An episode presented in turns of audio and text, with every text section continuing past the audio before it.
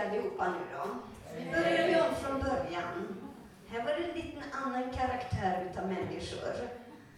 Ja, vad härligt det är. Och det är så kul att se ungdomarna och se deras intresse. Vet ni det? Att ni har underbara ungdomar här. Alltså, det vet ni. Alltså, de är så goda. Så man önskar att det skulle vara så överallt. Men det kommer. Vi ger inte upp. Eller hur? Vi fortsätter kampen mot ondskan. Och det ska fler komma och få vara med och uppleva just det här som vi har fått uppleva idag och som ni har fått uppleva tidigare. Um, ja, ni vet ju redan att jag heter Elise och att jag ska försöka nu gå på vad det är jag vill sagt för någonting. Ni hör också att det är 16 år och det är fantastiskt, förstår ni, att få börja om på nytt igen.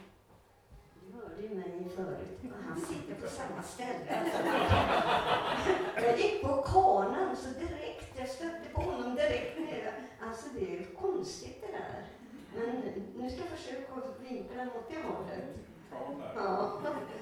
Det är så roligt att skämta lite grann. Men, men, men just det här att få börja ett helt nytt liv. Att få möjligheten och nåden och upprättelsen och att få känna Guds kärlek som jag inte hade fått gjort innan. Alltså jag skulle, jag, så jag är 74, inne på mitt 75 år snart. Alltså då får man vara med om det här. Ni förstår väl ändå att jag är ungdom? Eller hur? Du vet, jag är full och sprallig. Jag busar och jag älskar livet idag. Och det är så skönt att bli befriad ifrån den där bitterheten och den där skamkänslan och allt det jag gick och bar på innan. Och mina, mitt blandmissbruk. Jag har varit blandmissbrukare i jättemånga år. Och fått lämna det. Och Herren har bara upprättat den och upprättar och upprättar. Och så möter man gamla goda vänner här också. Överraskar. Det är också spännande. Men livet har ju inte varit alltså, det allra bästa som jag berättade för ungdomsgruppen då. Utan jag fick också vara med om hur det är att vara ett barn som inte är älskat. Ni som var här då, ni fick få höra det en gång till.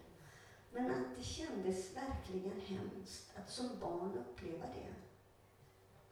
Att vara utanför, utkastad. Inte som jag har sett här, mamma och pappa kommer och tar i sina ungar och kramar dem och sätter dem i knät. Och bara få se den här kärleken. Det fick jag aldrig vara med om. Men idag får jag det. Och jag fick så mycket kramar innan vi gick härifrån utav ungdomarna. De visste att jag var törstig. Törstig till kramar.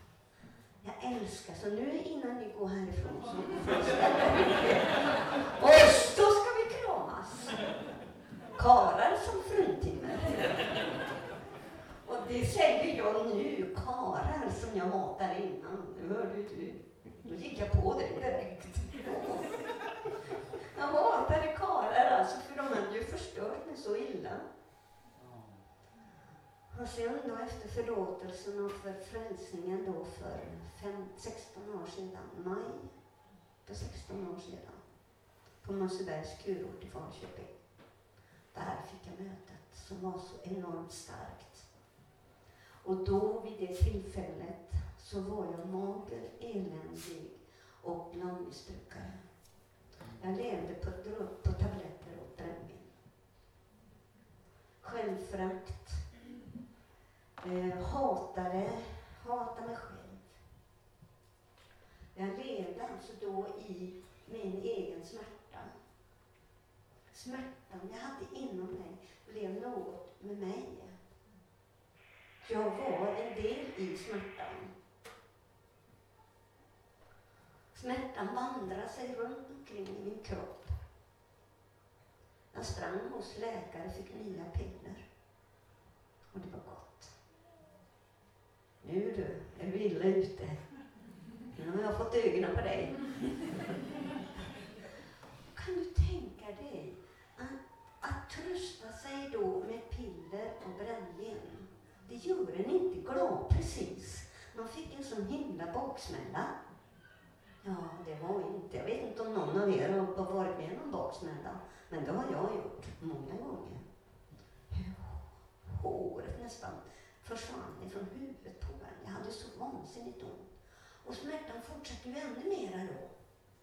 Det hjälpte ju mig inte genom att jag gick på, på uh, olika piller. Det hjälpte mig inte. Så tvärtom. Och då blev det till slut så också då att jag, jag kände att jag hade ont i knät. Jag hade ont här och jag hade ont där. Och då hade man anledning att springa till doktorn och få nya piller. För på den vägen blev det, och det fortsatte många, många år. Och det här började då genom att mitt äktenskap som inte var så bra. Äktenskapet som då präglades av mycket misshandel. Och det var där det började. Genom att jag kom ofta till sjukhus och blev omplåstrad. Man skulle lappa till mig lite grann, lite här och lite där. Och det var där det började med smärtstillande medel. Och där började också då att det var gott. Jag kände att det var gott. Um, det här med Jesus, det var ju någonting som jag aldrig hört talas om. Jag visste inte vad Gud som haver barnen kär är för något. Jag visste inte vad den här goda Bibeln är för någonting. Jag hade aldrig fått vetskap om det. Och sen då för 16 år sedan få börja då att få läsa Bibeln och få bli matad utav det. Det var fint, det var så härligt att få upptäcka ett helt nytt liv, få upptäcka någonting helt nytt.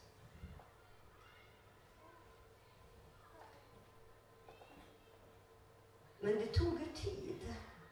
Det tog nästan ett år efter frälsningen innan jag brukar säga då, innan jag blev rumsren.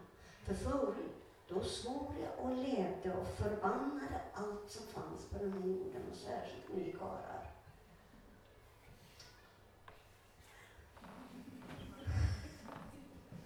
Ja, jag hade så roligt i eftermiddag. Han var ett offer faktiskt. det var så Jag vet inte varför jag blev så förtjust i honom.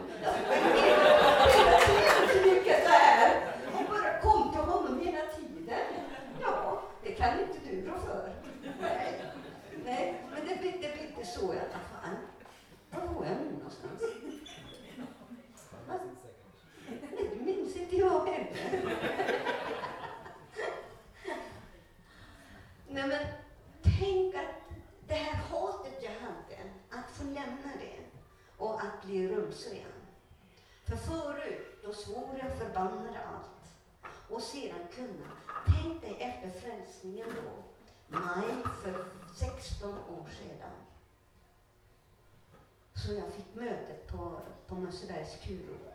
Då var det precis som det gick rakt igenom hela min kropp. Jag berättade det i eftermiddag.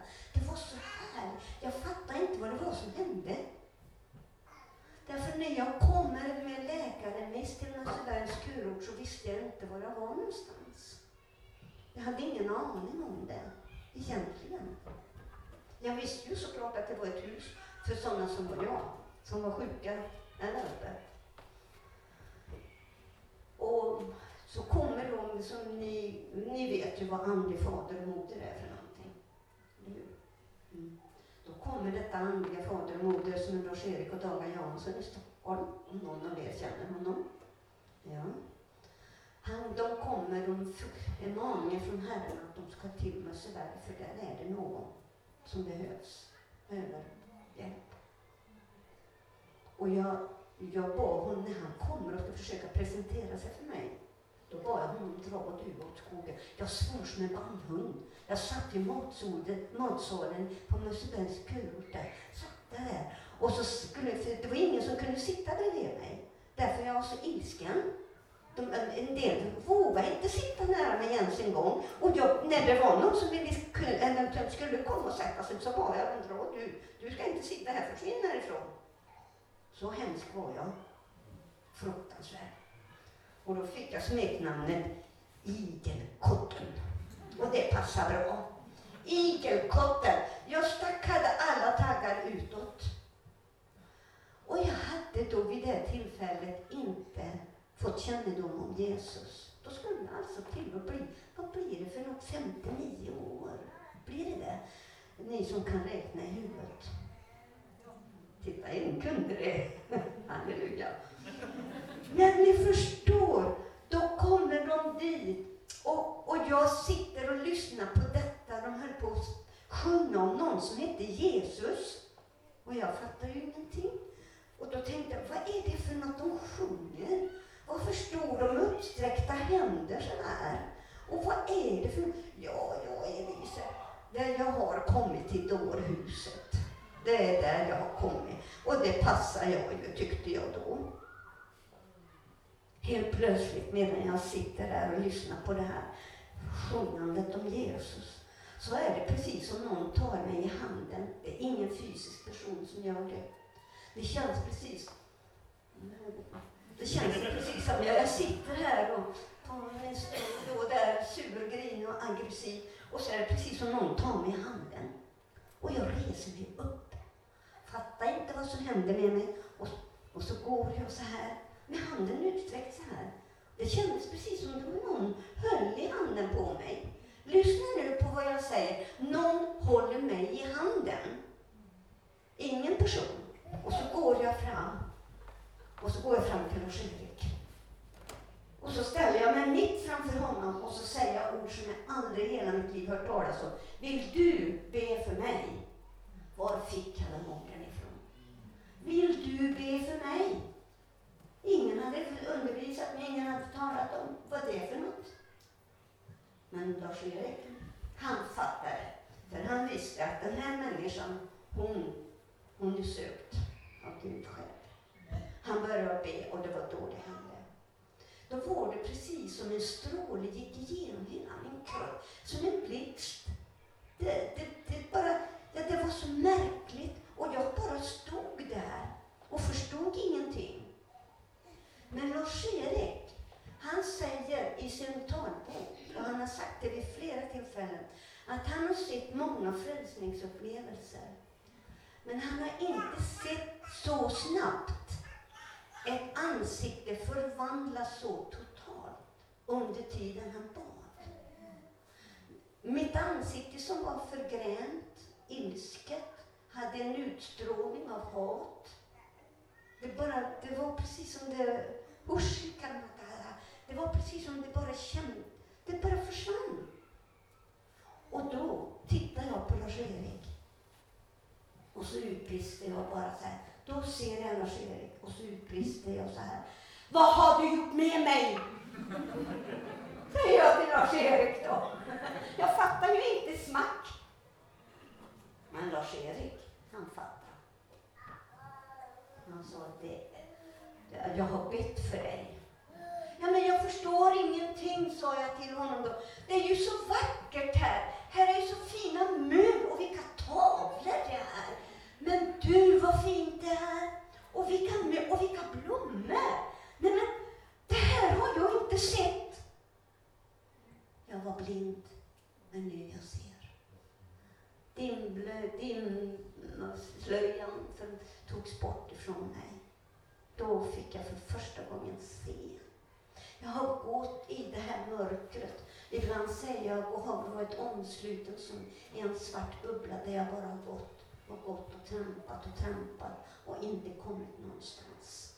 Ingenstans.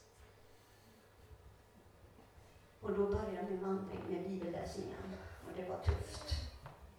Och det var tufft för mig att, att lära mig att vänja mig och lära av mig alla svordomar.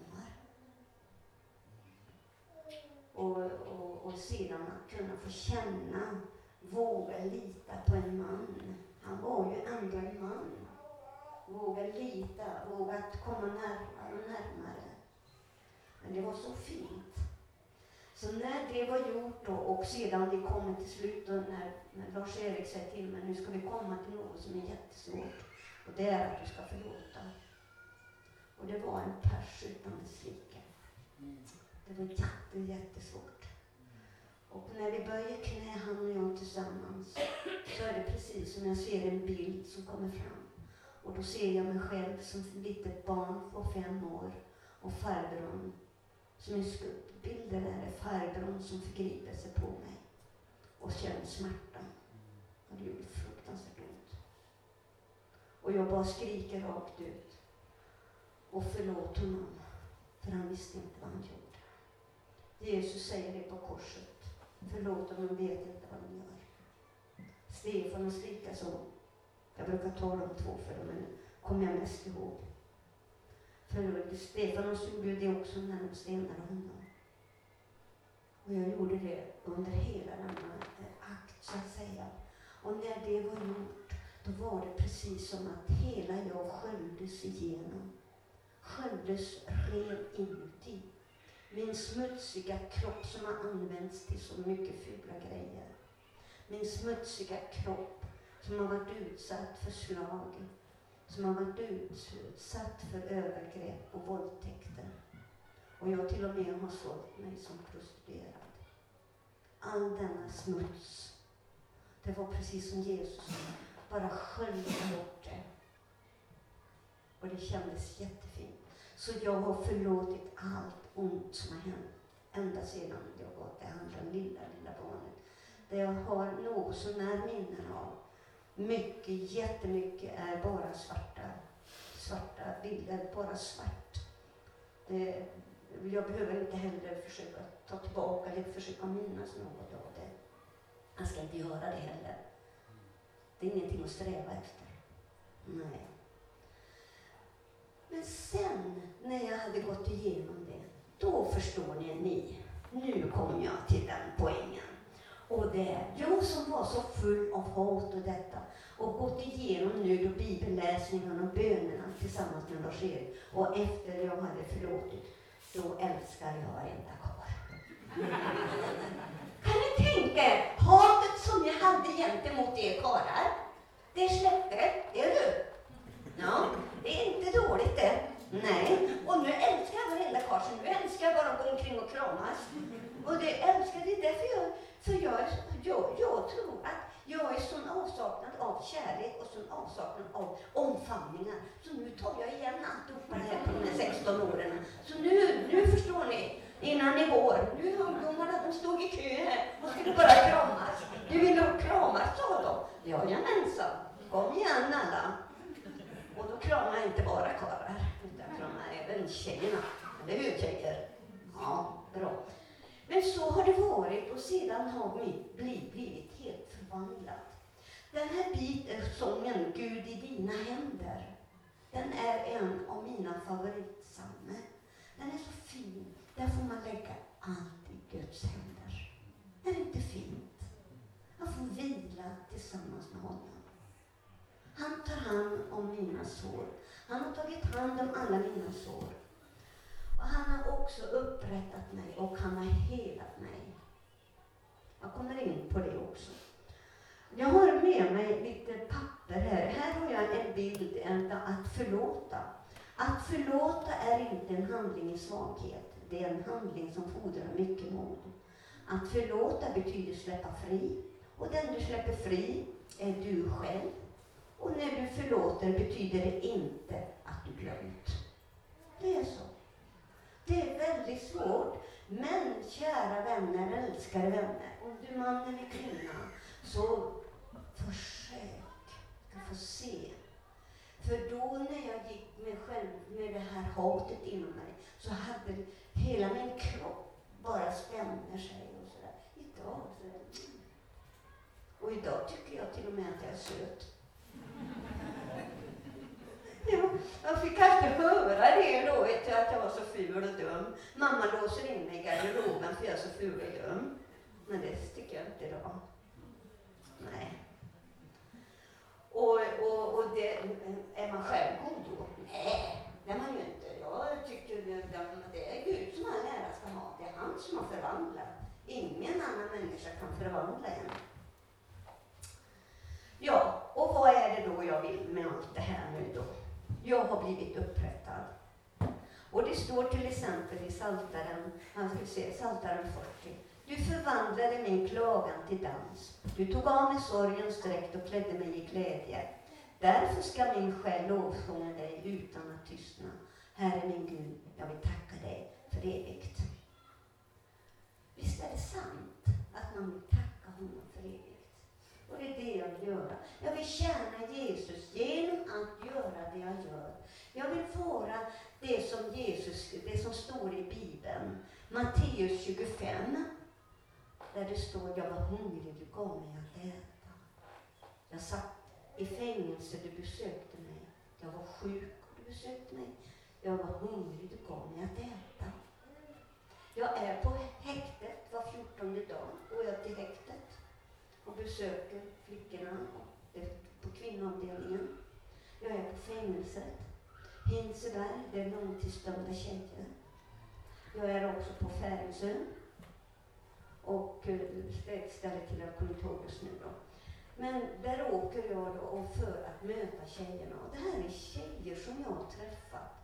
Flera av dem har jag träffat då på Malmskillnadsgatan, där jag jobbar mest med. Malmskillnadsgatan som är alltså då prostitutionsgatan i Stockholm. Och där har jag varit nu. Jag är inne, den sista december, då går jag in på mitt 14 år. I stort sett varenda fredag natt. Imorgon kväll får ni gärna ha mig in i bön, för då går jag ut och möter tjejerna. Jag visar lite bilder strax och, och um, jag vill bara ta här, jag la fram det här förstår ni, för att till exempel de flickor som jag får möta på Malmskillnadsgatan har varit utsatta på ungefär samma sätt som jag själv var. Någon i ungdomsgruppen frågade, hur kom det sig att du började med det? Och det beror ju, Gud ville att jag skulle vara där. Jag har själv varit utsatt.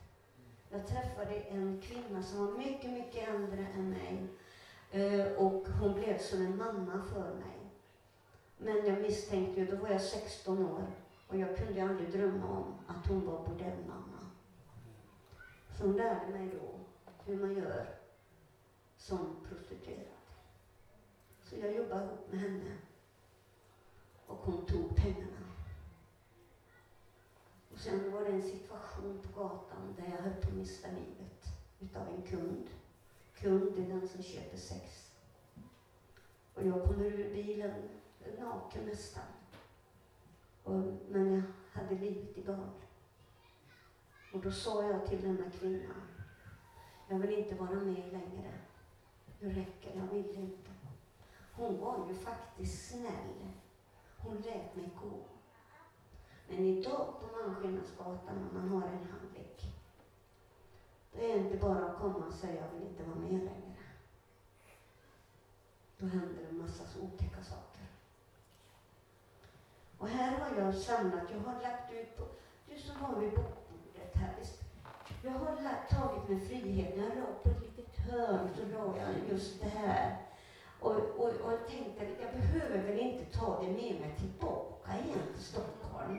Utan ni kan gå och ta de här lapparna som jag har tagit med mig. Och det här projekt Hanna.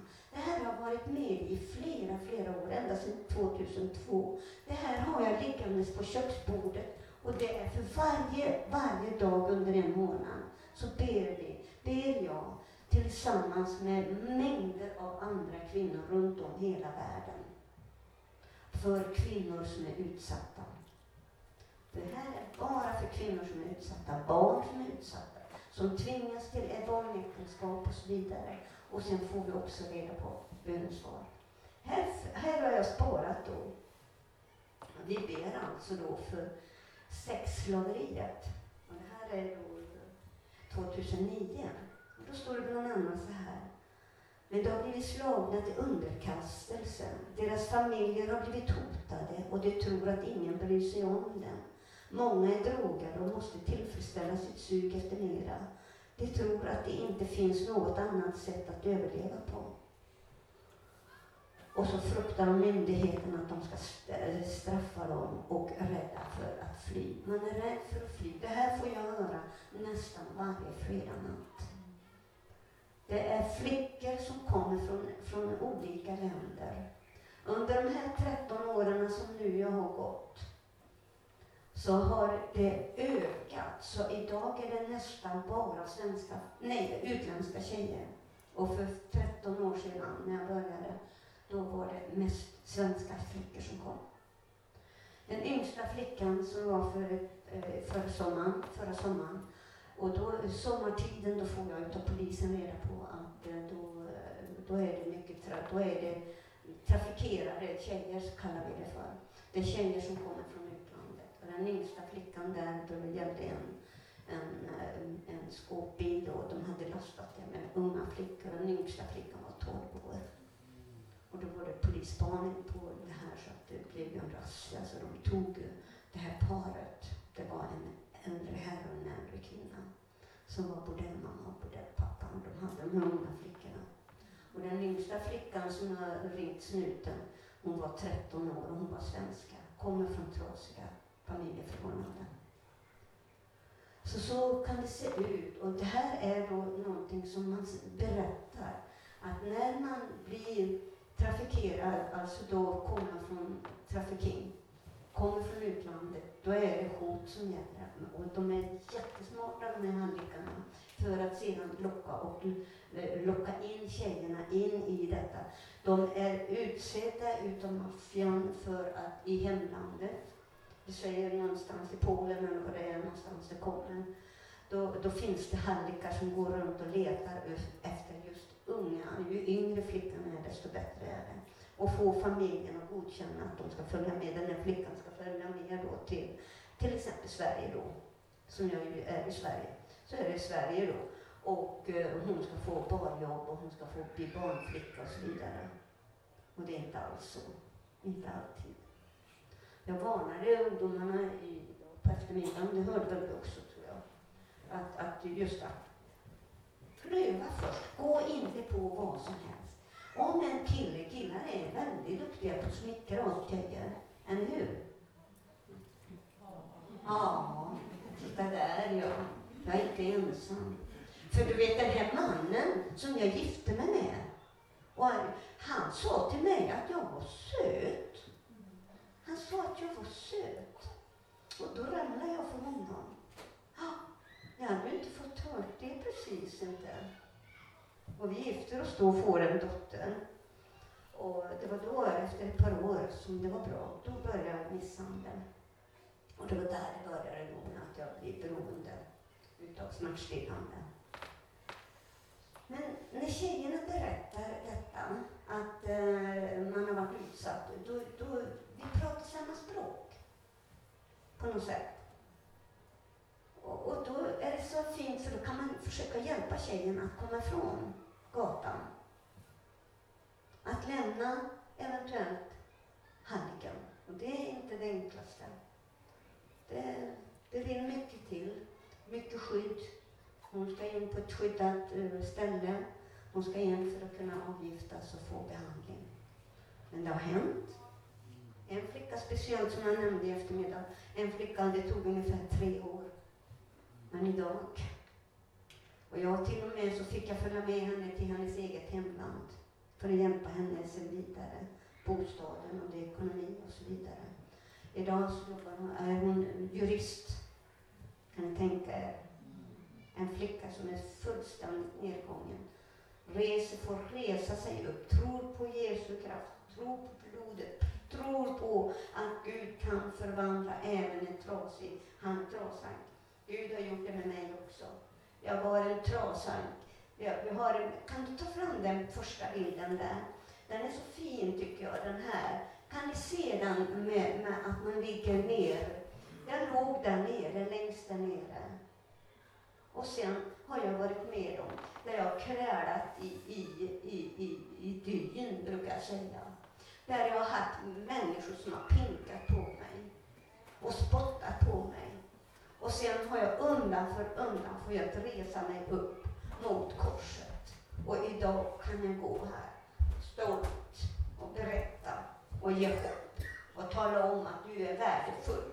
Och du som kvinna och även som man, även ung kille, en ung kvinna, en ung tjej ska kunna få känna att de är älskade för det de är. För det är vi. Vi är älskade, vi är skapade av Gud själv. Men det är så underbart här. Har jag resa mig upp. Jag har fått upprättelsen. Jag har varit med om förlåtelsen. Och det är, så, det är så mäktigt. Det är så stort att få vara med om det. Även om det har varit otäckt det tidigare i livet, så, har så lever jag idag. Idag lever jag väl bra, eller hur? Ja, ni håller ni med om. Och inte är så tokig heller. Nej, och inte är så ful heller. Nej. Och visst är han något sånär i kroppen? Ja, tack, halleluja! Det är det som är så härligt. Alltså, han har gett mig inspiration. Och han har gett mig så mycket glädje. Så jag, jag vet inte vad jag ska göra vägen med han ibland. Och kan ni tänka er, min dotter, min dotter som har fått se mig ligga i spyorna. Hon har fått se mig i skiten. Och det märkligt är ju att det här jag berättade idag på förmiddagen, hur min barndom var präglades utav alkohol, våld och så vidare. Inte av min pappa. Kom ihåg det? Inte min pappa. Han var min, min underbara, det underbaraste jag varit med om. Det finns ingen godare pappa än min pappa. Nej, det säger alla barn, eller hur? Ja. Och när man får vara med om det här så har man så mycket att vara tacksam över. Att man får börja om på nytt. Det är därför det är så skoj att vara 16 år. Det är tonåring. Hur många av er är tonåringar? Allihopa, eller hur? Ja, det är klart att vi är. Vi lever med Jesus, var Jesus med oss och han är med och hjälper oss och allt möjligt. Men så, den bilden, och den här fick jag när jag var på torpkonferensen. Det var där den fick den och så bad jag om att få själv använda mig utav den. Det är en konstnär, jag vet inte vad denna konstnär heter, som har gjort den. Eh, jag tror inte de visste heller, eller också har jag glömt det, jag kommer inte ihåg just nu. Sen då så är det så här, vad gör vi för någonting, vi som nu då är kristna? Vad gör vi för något för att hjälpa? Ja, vi kan hjälpa genom, som det står så här i Ordspråksboken 31. Öppna din mun för den stumme och försvara alla värnlösa. Öppna din mun och döm rättfärdigt. Skaffa den betryckte och fattige rätt. Är det svårt att göra detta? Det tror jag inte. Om du har någon runt dig, någon ungdom, någon som verkligen lever på ruinens brant, alltså som är nedgången. Vad gör vi för någonting? Gör vi något åt det då? Öppnar vi vår mun då? Och då tycker jag så här, ja, jag gör det lilla jag kan. Jag följer med någon prostituerad till rättegång. Jag kommer till psyket när någon av mina tjejer är väldigt sjuk och får vara med och tala för den här tjejen. Hon behöver den. Om någon hade kommit till mig och hjälpt mig medan jag var ung. Nu ska jag berätta vad en läkare gjorde.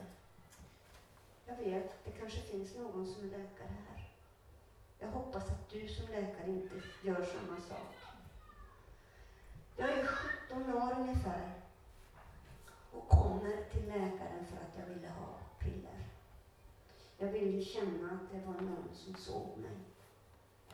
Och när jag hade fått recept, tack så mycket, och jag går ut ifrån honom och ska precis gå, gå och öppna dörren. Då vänder jag mig om till honom och så säger jag till denna läkare som sitter i detta jättestora skrivbord. Jag vill bara berätta för dig att jag är en curl girls. Jag är alltså en hora. Han tittar upp på mig. Och så nickar han och så säger han, jaså, jaha. Och så började han att skriva.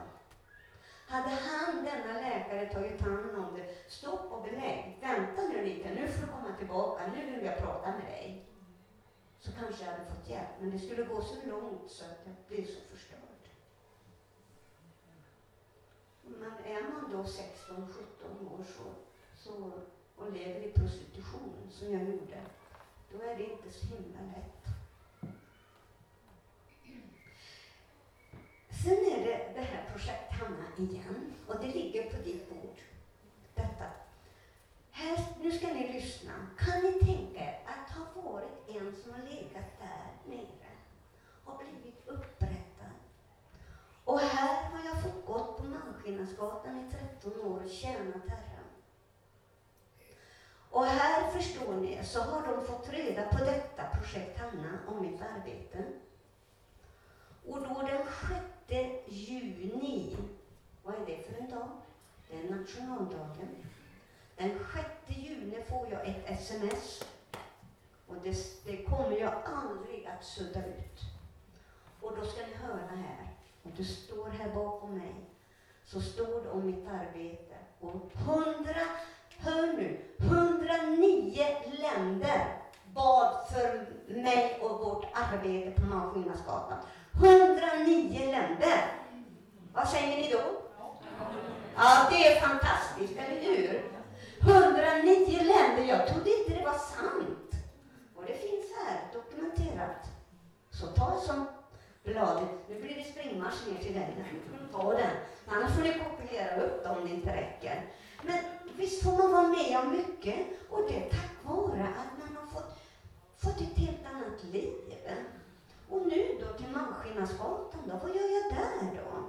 Malmskillnadsgatan, där är det ju alltså då människor, som jag berättade, kvinnor som säljer sig.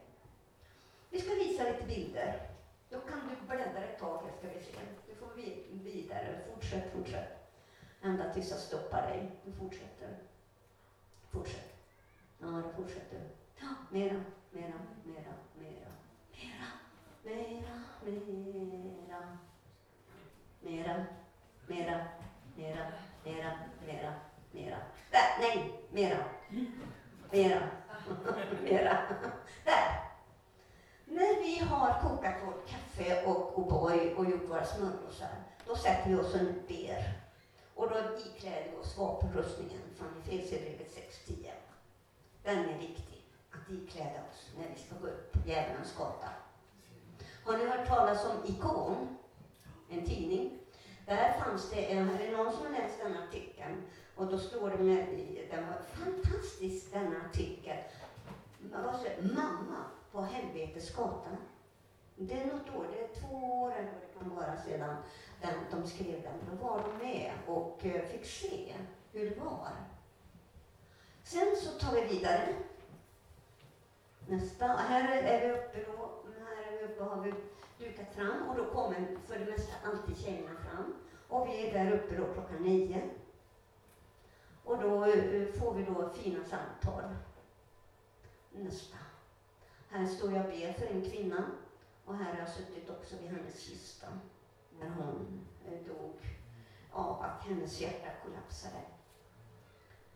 Den hallick som hon hade tvingade henne, och det är hennes egen make, tvingade henne till prostitution. Hon fick göra det i flera omgångar när de var inne på behandlingen, men till slut så kollapsade hjärtat. Ja, vi går vidare.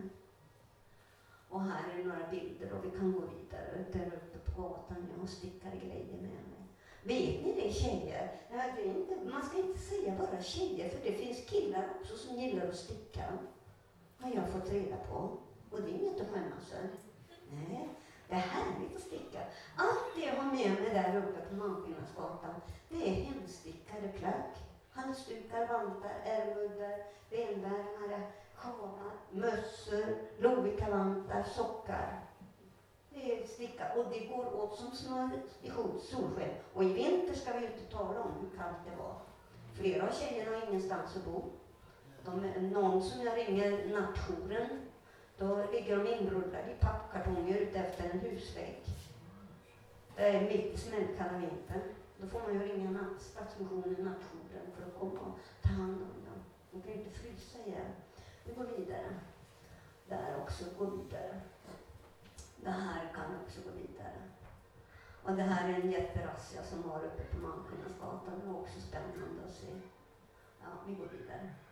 Det här kan vi stanna en liten, liten stund på. Och så här alltså kan någon flicka bli och se ut efter flera års droger och mycket män. Och jag själv var näst sista bilden var jag när jag kom till Musebergs kurort. Ungefär såg jag ut då. Och här har jag sett fyra stycken flickor under den tiden jag varit på Malmskillnadsgatan, den förvandlingen. Och nu är de döda allihopa. Och en tjej då ska jobba ihop, som jag hörde, som jag nämnde i, i förmiddag, här för ungdomsgruppen. Alltså en tjej ska alltså jobba ihop mellan 6 och 10 000 en kväll. Och det kanske inte räcker alltid. Men i alla fall, det var tjejen sa. Och då, om du då är i det skicket som längst där borta, då får du kanske 500 kronor. Och då får du finna dig i vilken sexuell akt som helst. Flickorna är väldigt, väldigt nedgångna. Mycket. De är så sargade. Och det kan man, man kan inte göra någonting, för de är så fast i drogerna. Jo, Gud kan göra det, för Gud har gjort det. Gud har följt med. Men dessa som jag tänker på, de är ju döda. Och det var jättesvårt att få dem att lämna gatan. Jättesvårt att lämna drogerna. Och, och vad gör vi? Vi, vi? vi ber och vi ber och vi ber och detta vad det är så händer det någonting. Det gör det. Vi tar nästa bild. Den här bilden vill jag stanna en liten, liten stund inför. Och det visar också ungdomarna. Det här är en bild som en liten pojke, vad är det, fem år tror jag, som har ritat. Jag tror han var fem eller sex år. Och den, den talar om då att pappa älskar spriten mer än mig. Det här hör man väldigt ofta ute på gatorna när man är ute och jobbar på nätterna. Alltså jag är en nattmänniska. Jag tycker om att vara ute på natten och jobba. Det har blivit en livsstil hos mig. Och jag tycker också om att gå där det är farligt. Jag vet att Gud är med mig. Han har skickat mig att vara där. Och då är han också med mig. Men det här kan också symbolisera att barn far illa av att eh, eh, mammon kallar vi det för. Vi kallar dem eh, karriär. Barnet får känna sig utanför. Och det känns inte bra. Jag upplever mig själv där, som den lilla ungen. Och inte ha min mamma som inte tyckte om mig. Min pappa älskade mig. Men jag hade ingen mamma. Vi går vidare. Den här hunden, den tyckte ungdomarna om. De tyckte den var så söt, och det är den ju verkligen. Och det här fick jag utav en ung flicka. Våga vara annorlunda. De tackar, tänk dig en ung flicka som tackar en för att man vågar gå emot, vågar säga, säga som det är, vågar ställa sig upp och berätta. Du behöver inte finna dig i allt. Du behöver inte säga ja till utan våga däremot säga nej till sånt som inte är bra. Jag brukar uppmuntra ungdomarna när man ser att säga nej till öl och vin, att inte börja med det. För det ser jag för mycket av den avigsidan på, på gatan. När klockan är två eller tre på, på morgonkvisten och det är ungdomar som är 11, 12 och 13 år ute på fyllan. Så det hoppas jag att vi ska kunna ställa upp lite grann till mans då, att man vågar. Sen har jag, eh, eh, eh, ni vet det här med reklam. Jag har sparat en artikel här som är från Världen idag. Drickande plus våld är sant. Att när man dricker så tappar man all behärskning, man tappar allt sunt förnuft. Det gjorde jag. Jag var inte, jag var inte klok.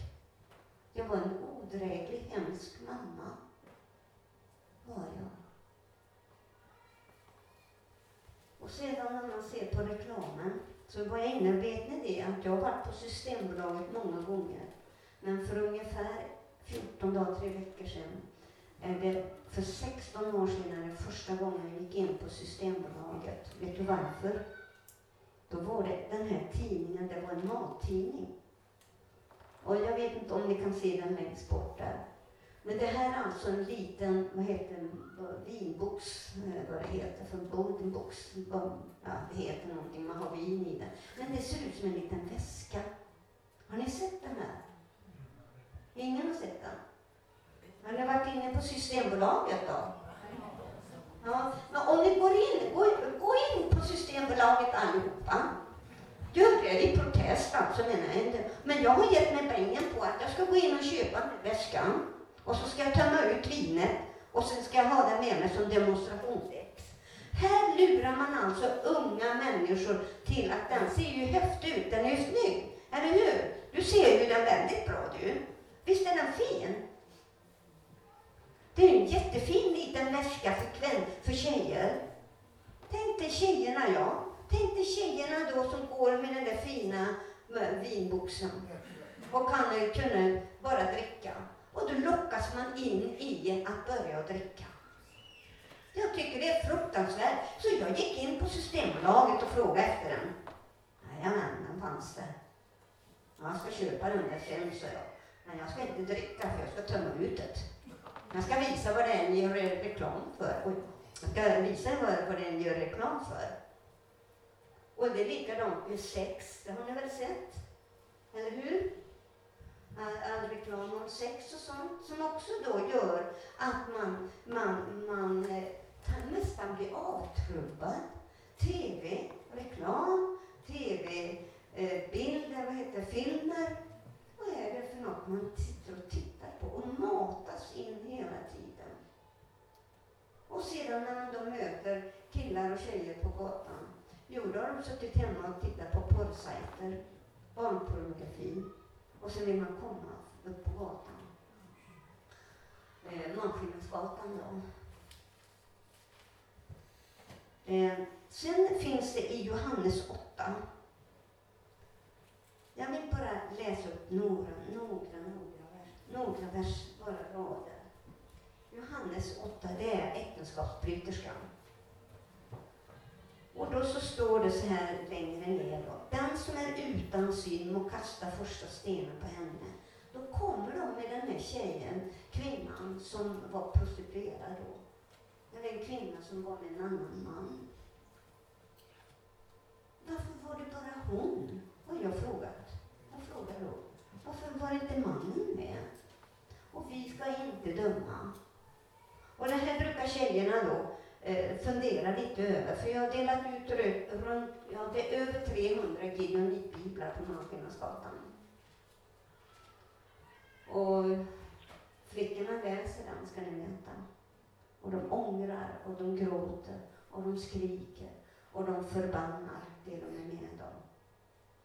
Och då, då känns det så bra att vi får ändå läsa ord och ändå få be och ändå göra någonting. Och då var det så fint med det här med Talita Center. Jag berättade det för ungdomarna. Talita Center, det är någonting som vi tror ska bli någonting, en, en övergång för tjejen.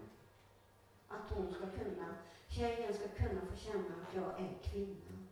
Vi tjejer, visst vill vi känna oss som kvinnor. Eller hur? Ja? Ja, några kvinnor tyckte jag nog om det. Nej, jag tror allihopa menar det. Men vad skulle jag säga mot slut, för slutfasen här nu?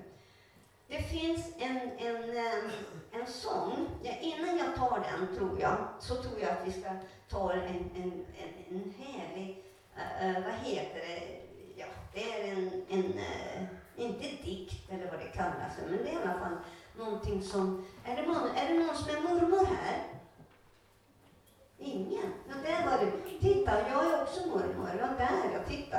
Farmor. Ja, titta. Mor, då är det här till oss farmor och mormor.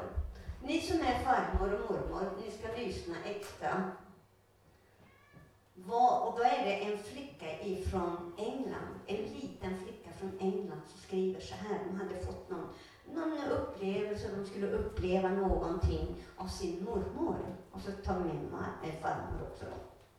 Och så säger flickan så här. En mormor, det är en dam som inte har några egna barn och därför tycker om andra. Mm. Människors flickor och pojkar tycker hon alltså om. Mormödrar har inget att göra. De bara finns där.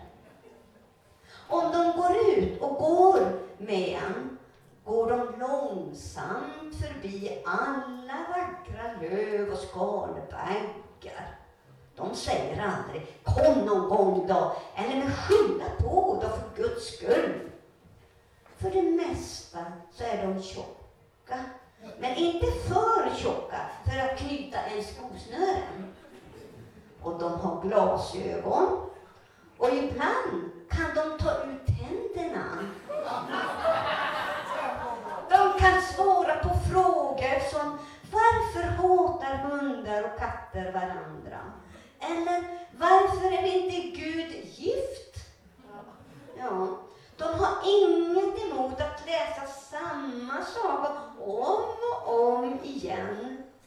Alla skulle försöka ha en mormor. Särskilt de som inte har TV. Mormormödrar är de enda vuxna som alltid har tid. Är den inte bra? Den är helt suverän. Nu tänkte jag så här att vi skulle lyssna på en, en CD-skiva som jag, handlar om nattens fjärilar. Och det ingår i det jag har berättat. Så nu tackar jag er för allt gott och ni får gärna sen efteråt komma och prata eller någonting. Men jag bara säger Gud välsigne er till er allihopa. Och jag älskar er och Jesus älskar er. Och ska vi lyssna på denna, bara lyssna nu i Norden, vad det, vad är, vad det är de sjunger om för någonting. För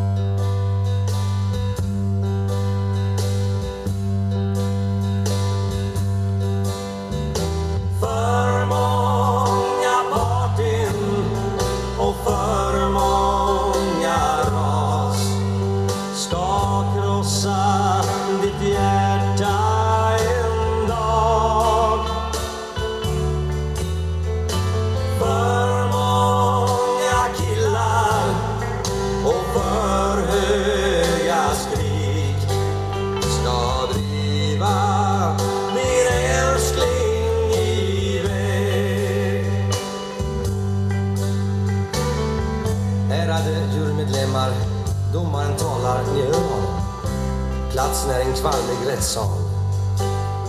Och domaren, en stel gammal man. Den anklagade framför honom en nattens fjäril, ett gatans barn.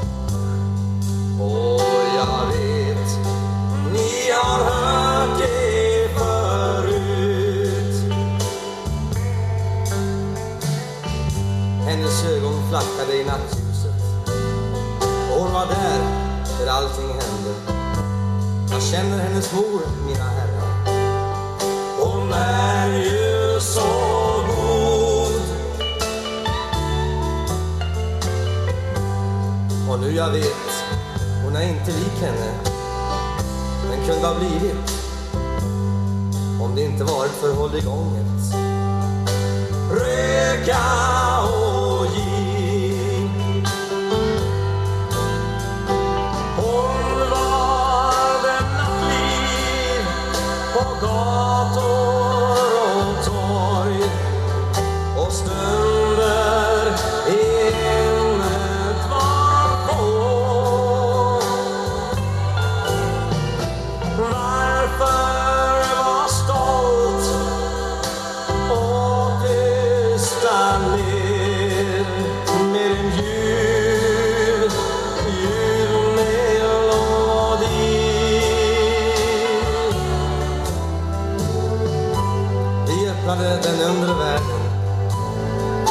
för enda vi älskar så mycket.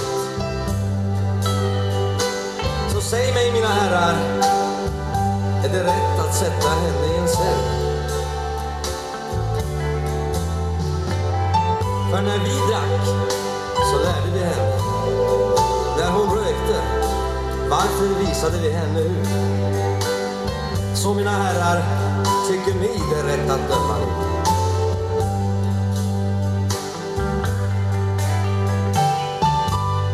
Ni sitter i denna rättssal, så kom ihåg där nere att på varje utslagen kvinna går hundra utslagna män. Och innan ni avlägger er dom för vad denna flicka har gjort, lägg på minnet en man finns att anklaga. Kanske är han son.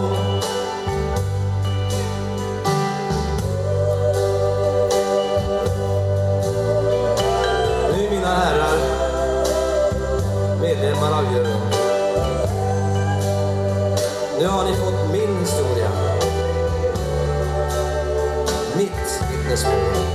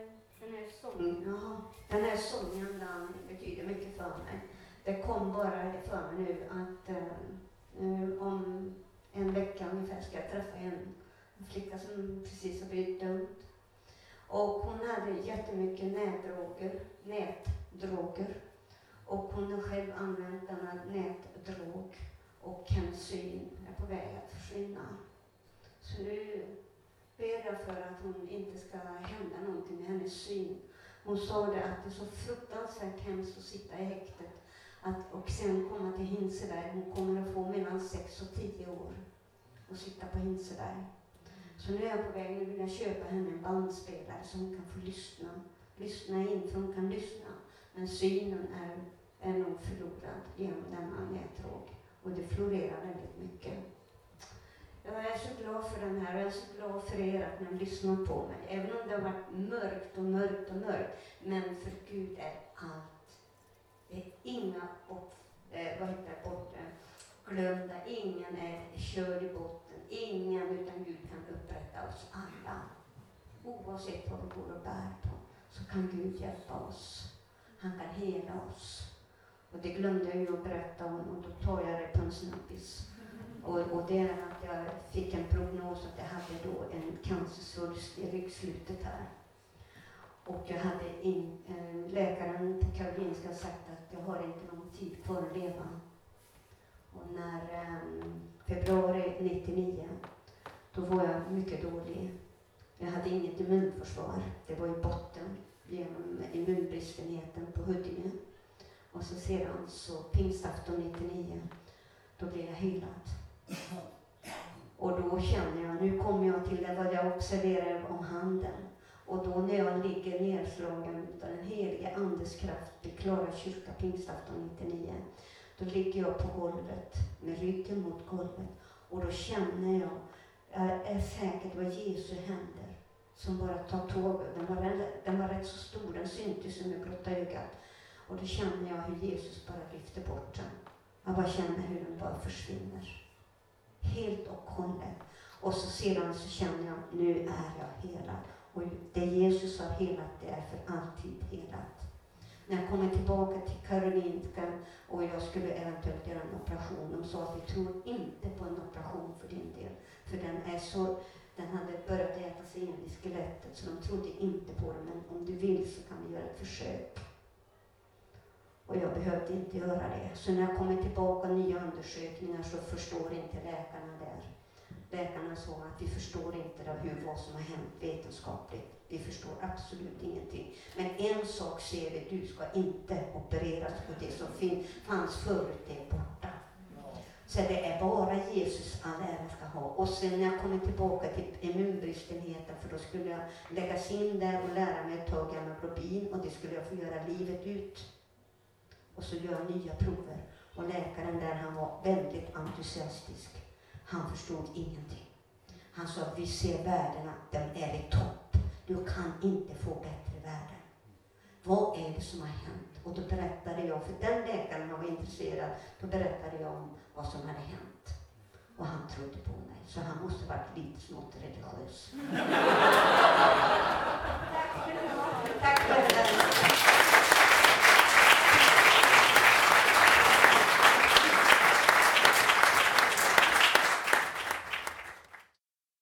Jag har fått så många frågor. Vad hände med din dotter? Och då kom det fram, ja, jag skulle få en liten stund och bara berätta vad hände med min dotter. Jag berättade bara väldigt kort att jag har varit en fruktansvärt dålig mamma. Min dotter har sett mig ligga bland spyor. Min dotter har sett mig i stort sett dö tre gånger och uppväcktes till livet under olika omständigheter. Så jag har varit en enormt dålig mamma. En mamma som man absolut inte ska vara. Har inte suttit och lärt henne att hjälpa henne med läxor. Och när jag flyr äktenskapet och eh, jag får ett annat liv, annanstans att bo, så får min dotter tag på mig. Och då så får, säger hon till mig så här. Jag vill inte ha dig som mamma. Nu lämnar jag dig och vill aldrig veta av dig mera. Och då gjorde det det att jag började supa ännu mer och använde ännu mera piller. Under den flykten från äktenskapet och fått hjälp att få bo och få skyddad identitet och ja, så vandrade jag vidare. Sen fick jag det mötet med Jesus. Och sen så ringer min dotter helt plötsligt. Det här att hon något år som hon tagit då. Och då så säger hon till mig så här, du mamma, nu ska ni hålla i er. Du mamma, nu vet jag vad som har hänt med dig. Får jag komma hem och bo hos dig? Alltså då trodde jag att jag inte hörde rätt. Hon flyttade hem till mig. Och det här har alltså då tagit många år. Jag har varit frälst i 16 år och det är det vi har tagit också. Så idag, när relationen är uppbyggd, nu ska ni tala om relationer, men det har tagit jättelång tid för min dotter att våga tro och lita på mig igen.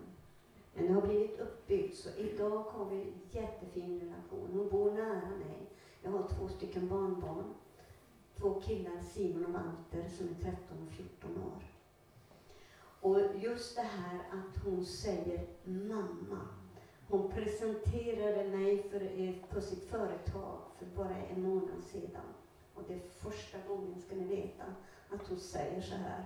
Det här, det är min mamma. Då förstår ni väl att jag har kommit, då har det kommit långt. Men det tar sån tid att bygga upp ett, ett förtroende igen, det man har totalt raserat.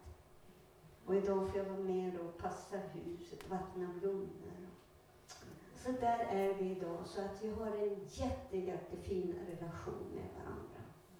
Men vi har fortfarande ett kvar och det är att hon själv i sin mun ska berätta hennes känslor, hur det var att se mig som mamma, så värdelös. Se mig som mamma ligga stupfull. Hon ska själv få berätta det och jag bara väntar nu. Och så får ni gärna be då. Nu är det så nära, så nära frälsningen för min egen familj. För de har sett den här totala förvandlingen under mina 16 år nu. Och då litar de på att det här måste vara någonting som är sant. Och då min måg, han är så glad. Han, han, han är lite nyfiken också, min måg. Min dotter har varit lite mer så här, men nu börjar hon, hon, hon liksom börjar lite smaka på det. Och mina två pojkar, ja, de... Och jag säger till den tuffa killen, Walter, när jag säger till honom, vet du vad? Jesus älskar dig, säger jag till Simon. Ja, det vet jag. Säger. Och så säger hon. och mormor älskar dig. Ja, det vet jag. Och så säger jag, du Walter, Walter är ett år yngre. Du Walter, mormor älskar dig. Ja. Och du Walter, Jesus älskar dig. Äh! Och så tog det ungefär tre år. Så blev tal om att det är mormor som blir snopen. Då säger jag samma ord, har alltid sagt. Under alla dessa år så har jag sagt samma fras. Och så till slut då, så säger jag då till Walter samma fras. Och då så säger Walter till mig så här. Du mormor, det vet jag väl. När jag säger att Jesus älskar dig Walter. Det vet jag väl. Så nu har vi kommit så långt. Så nu får ni gärna be för det då, att när ni tar upp det här med relationer, vem förväntar sig inte att det ska gå över så här snabbt. Det får lov, måste få lov att ta tid. Även om det är äktenskapet och skilsmässor, vad det än är för någonting. Så den här vägen tillbaka till mamma och dotterrelationen igen. Så det är jag mycket tacksam. Och jag är så glad att ni var på mig på hugget när jag är ute. Vad hände med din dotter? Och då frågade jag, varför frågar ni mig inte? Ja, men det var så mycket då liksom, så det tänkte man inte på. Men jag är tacksam att ni har frågat. Så Gud välsigne er nu. Nu ska jag iväg hem till Stockholm. Och sen så ska jag vila ett par timmar och sen drar jag iväg på Malmskillnadsgatan. Jag vet nog vad jag gör ikväll.